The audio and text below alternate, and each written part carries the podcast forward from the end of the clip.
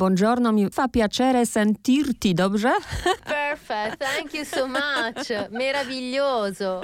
Spotykamy się w związku z polską premierą pani książki Przy stole z Hitlerem. E, bohaterka Rosa Sauer to Niemka, która pewnego dnia dowiaduje się, że została wybrana do pracy degustatorki w kwaterze przy Wilczym Szańcu. Skąd inspiracja? Certo, questa è la storia di Rosa Sauer, che è un personaggio. Rosa Sauer jest postacią wymyśloną, jest absolutnie nieistniejącą postacią, e, której jednak e, charakter i która została zainspirowana istniejącą osobą Margaret Wolk, która jest Niemką, 96-letnią Niemką z Berlina, która w 2014 roku wyznała po raz pierwszy światu, że była degustatorką Hitlera. Ja przeczytałam ten wywiad i natychmiast cała ta historia mnie właściwie spiorunowała, można powiedzieć, do tego stopnia, że chciałam się nawet z nią spotkać. I był to też powód, dla którego powstała ta książka, mianowicie sprzeczność, która się wiąże z tą postacią, ponieważ Margaret Wolk nigdy nie była nazistką, otwarcie mówiła, że nigdy nie popiera tej idei, wręcz bardzo brzydko mówiła o Hitlerze, nazywała go świnią i nigdy nie popierała tego, co się działo. Natomiast z drugiej jednak strony zdecydowała się na pracę dla niego i na podejmowanie ryzyka własnego życia właśnie dla niego. I ta sprzeczność była dla mnie najciekawsza. Eppure aveva rischiato la sua stessa vita per salvare guardare la sua. Questa contraddizione era per me incandescente ed era questo che volevo indagare. E, czy była pani w miejscu, w którym mieszkała, czy może spotkała się z ludźmi, którzy znali Margot Wolk? Co posłużyło tak naprawdę za ten, za ten materiał do tej książki? Sì, eh, intanto io ho cercato di incontrare Margot Wolk, nel senso che ho scritto a tutti quelli che l'avevano intervistata per chiedere un contatto con lei e poterla incontrare perché ovviamente volevo parlarle, volevo avere testimonianze di prima mano. Purtroppo però quando finalmente sono riuscita a trovarla ci ho messo 3-4 mesi, nel momento in cui le ho scritto una lettera per chiedere di incontrarci, proprio allora lei è morta. E quindi eh, all'inizio ho anche pensato che forse io non, non avevo il diritto di, di, parlare di questa storia, perché mi dicevo, ma tu Zacznę od tego, że ja próbowałam się z nią spotkać, bardzo mi na tym zależało, kontaktowałam się z osobami, które miały z nią styczność, które, z którym udzielała wywiadu, próbowałam znaleźć do niej kontakt, zajęło mi to 3-4 miesiące i niestety tak się założyło, że jak już napisałam, w momencie, kiedy napisałam list z prośbą o spotkanie, to ona właśnie zmarła. I ja nawet zaczęłam myśleć, że w tej sytuacji nie mam prawa napisać tej książki, w jaki sposób miałabym to zrobić. Nie jestem Niemką, nigdy nie przeżyłam II wojny światowej, na moje szczęście nigdy nie żyłam w kraju ogarniętym dyktaturą, więc e, wydawało się, w jaki niby sposób miałabym to zrobić.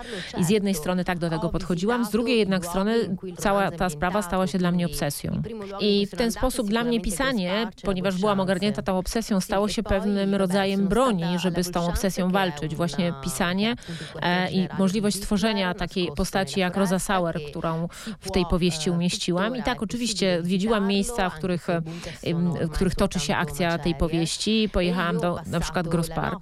Pojechałam do kwatery głównej Hitlera w tamtym czasie, do Wilczego Szańca. Tam można ten teren zwiedzać, nawet można tam przenocować, co ja się zdecydowałam zrobić. Widziałam bunkry, one już są co prawda w ruinie. Niemniej spędziłam tam noc, żeby być w stanie poczuć atmosferę tego miejsca. I dwie rzeczy, które mnie w tych opowieściach e, sąsiadki uderzyły, to jest to, że mm, mówiła mi, że Margaret Wolk miała zawsze pewne problemy, jak pojawiał się jej, pojawiało się w jej otoczeniu jedzenie. Zapraszana była przez nią na święta, na jakieś inne okazje i widać było, że te momenty, w których jedli, były dla niej trudne, a ja to odebrałam jako jakąś formę blizny, która jej została po tamtej historii. A druga rzecz, e, o której mi dużo mówiła, to też to, że mm, Margaret Wolk nie chciała, ani nigdy chętnie nie mówiła o okresie II wojny światowej, ani o tym, co się wydarzyło w Wilczym Szańcu, co było bardzo spójne zresztą z całym jej życiem, ponieważ jak wiemy zdecydowała się wyznać to, że była degustatorką dopiero w wieku lat 96, bardzo późno, po wielu latach, kiedy tak naprawdę była na progu śmierci. Miała więc z nią dużo kontaktu i ona mi o niej sporo opowiadała. E due cose per me sono fondamentali di quello che mi ha detto. La prima mi ha detto che Margot Volk aveva problemi ogni volta che si trovava di fronte al cibo. Lei la invitava, per esempio, per Natale, la invitava a festeggiare, no? a, a, pranzare con la sua famiglia e di fronte al cibo lei aveva sempre qualche problema. E questo io l'ho, l'ho sentito subito come un'eredità, no? come una cicatrice e la conseguenza di quello che lei aveva vissuto. E la seconda cosa era che Margot Wölk non aveva piacere, non aveva tanta voglia di parlare di quel periodo in cui ha fatto l'assaggiatrice in Prussia orientale né del periodo della seconda guerra mondiale. Quindi mi ha raccontato un silenzio che è coerente con il silenzio che lei ha mantenuto per tutta la vita. Tanto è vero che lei ha confessato di questa sua esperienza da assaggiatrice a 96 anni, praticamente sulla soglia della morte. Ja sama się zastanawiałam nad dlaczego tak późno zdecydowała się o tym mówić, bo z jednej strony może niechęć, żeby zmierzyć się z tą traumą, a z drugiej strony no też y, ocena, tak jak tutaj pani powiedziała, że ta sprzeczność ją zainteresowała, bo sama ryzykowała życiem, a z drugiej strony y, dzięki temu, że uprawiała taki akurat zawód, była zmuszona uprawiać, no za każdym razem jakby chroniła życie Hitlera, mordercy. Oczywiście ja też się dość długo zastanawiałam, dlaczego tak się stało. Właściwie to się stało pewnym elementem mojej fascynacji tą historią, że tak późno się zdecydowała i zadałam sobie pytanie, dlaczego tak późno decydujesz się to wszystko wyznać. Ona mówiła, że nawet z mężem własnym o tym nie rozmawiała, co naprawdę wydaje się dziwne. I, I tak sądziłam, myśląc o tym, że rzeczywiście było to dla mnie z jednej strony ciężarem, z drugiej winą, wstydem. Jednak pamiętajmy, że po wojnie nikt nie mógł powiedzieć otwarcie, tak, ja pracowałem z Hitlerem, e, wyznać, że w jakimś stopniu miał coś wspólnego e, z tym, co się wówczas działo, żeby na pewno nie mógł tego powiedzieć, żeby nie zostać ocenionym. To jest zawsze fascynujące, jeśli książki są zainspirowane właśnie mm, prawdziwą historią, co jest prawdą, a co nią nie jest.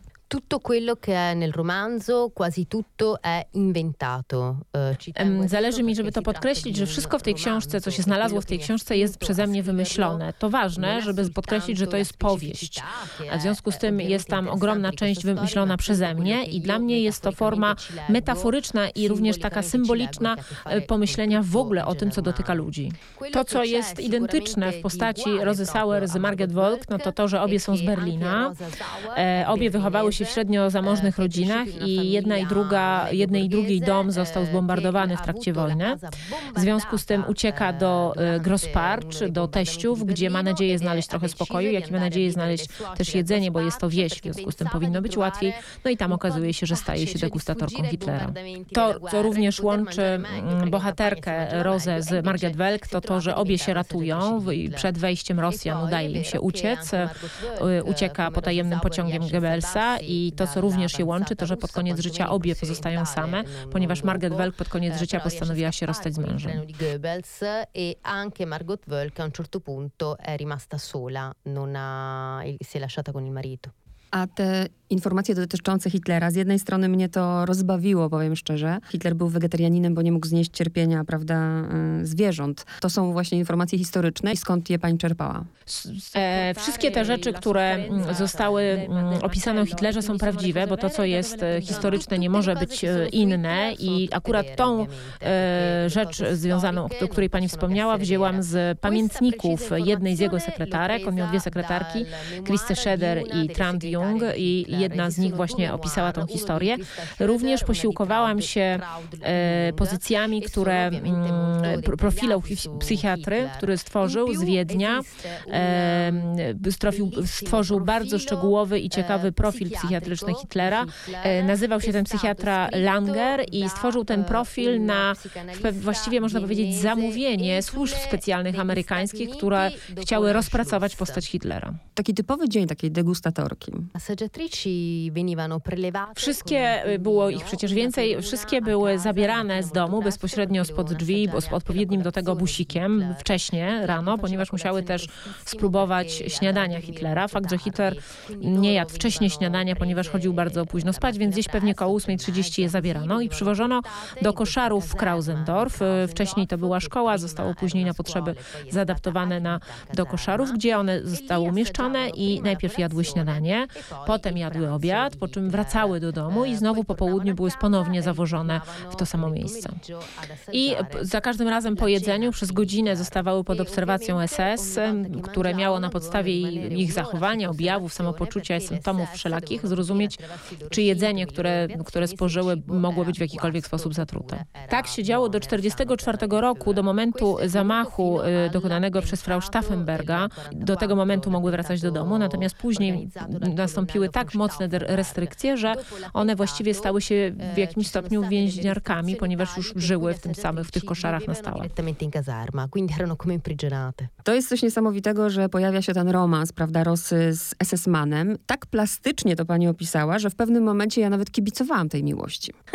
Molti sono diventati fan di questa storia. Era anche un po' pericoloso mettere questa storia. Io sono, sono stata e, wielu, wielu takimi fanami się stało, natomiast dla mnie, ja miałam wrażenie, że to jest nawet niebezpieczne wprowadzić taką historię. Naprawdę miałam sporo wątpliwości, zanim się na to zdecydowałam i zastanawiałam się, czy to zrobić, ale w pewnym momencie było tak, że jakbym widziała e, Siglera stojącego pod oknem Rozy. Ta historia jakby w mojej głowie zakwitła, powstała i no tak czułam, że taką historię tam umieszczę. I potem zrozumiałam też, że ta historia miłości, miłości była tak naprawdę konieczna w tej historii, ponieważ Roza ma również swoją drogę winy. Ona z jednej strony oczywiście jest ofiarą i e, zostaje wbrew własnej woli zmuszona do tego, co robi, natomiast z drugiej ma też takie elementy i serię różnych gestów, które pokazują ją jako osobę winną. Na przykład staje się złodziejką. To fakt, że kradnie mleko dla córek swoich koleżanek, no ale jest to element generalnie uznany za, za nieodpowiedni. I szczytem tych drobnych wydarzeń jest właśnie pragnienie ciała mężczyzny, który jest e, SS-manem. I właśnie w momencie, jak do tego dochodzi, co jest bardzo ciekawe, jest to również forma pewnego oporu przeciw III Rzeszy, ponieważ w momencie, kiedy do tego dochodzi, ona staje się kobietą i ona sama o tym mówi, że już nie chce być tylko królikiem doświadczalnym, rurą trawienną, e, osobą wykorzystywaną. Chce być pragniona, chce być pożądana, ona chce pożądać, chce stać się no, normalnym człowiekiem. Io voglio essere una donna, non voglio essere soltanto una cavia, non voglio essere soltanto eh, un tubo digerente, non voglio soltanto mangiare per Hitler, esistere, voglio essere una donna, voglio desiderare e voglio essere desiderata. È un gesto sovversivo. Oprócz tego, że ta książka dla mnie jest oczywiście o, o tym, ile jesteśmy w stanie zrobić, żeby przetrwać, o samotności, o tajemnicy, o tym, że nieumiejętność właśnie jakby rozmawiania mm, prowadzi do, do takiej samotności, to też jest bardzo dużo szczegółów, na przykład w opisie tych postaci i nawet w opisie ich wyglądu, ubioru. Eh, ma sto parlando di donne. Tak, bo mówię o kobietach. Mówię o tym, że kobiety tutaj chcą zafunkcjonować i istnieć jako ludzie, być ludźmi i czuć się ludźmi. Zrobią wszystko, żeby tak było. W związku z tym wszystkie te elementy życia codziennego, drobiazgi, e, ubiór, układ włosów jest niezwykle istotny.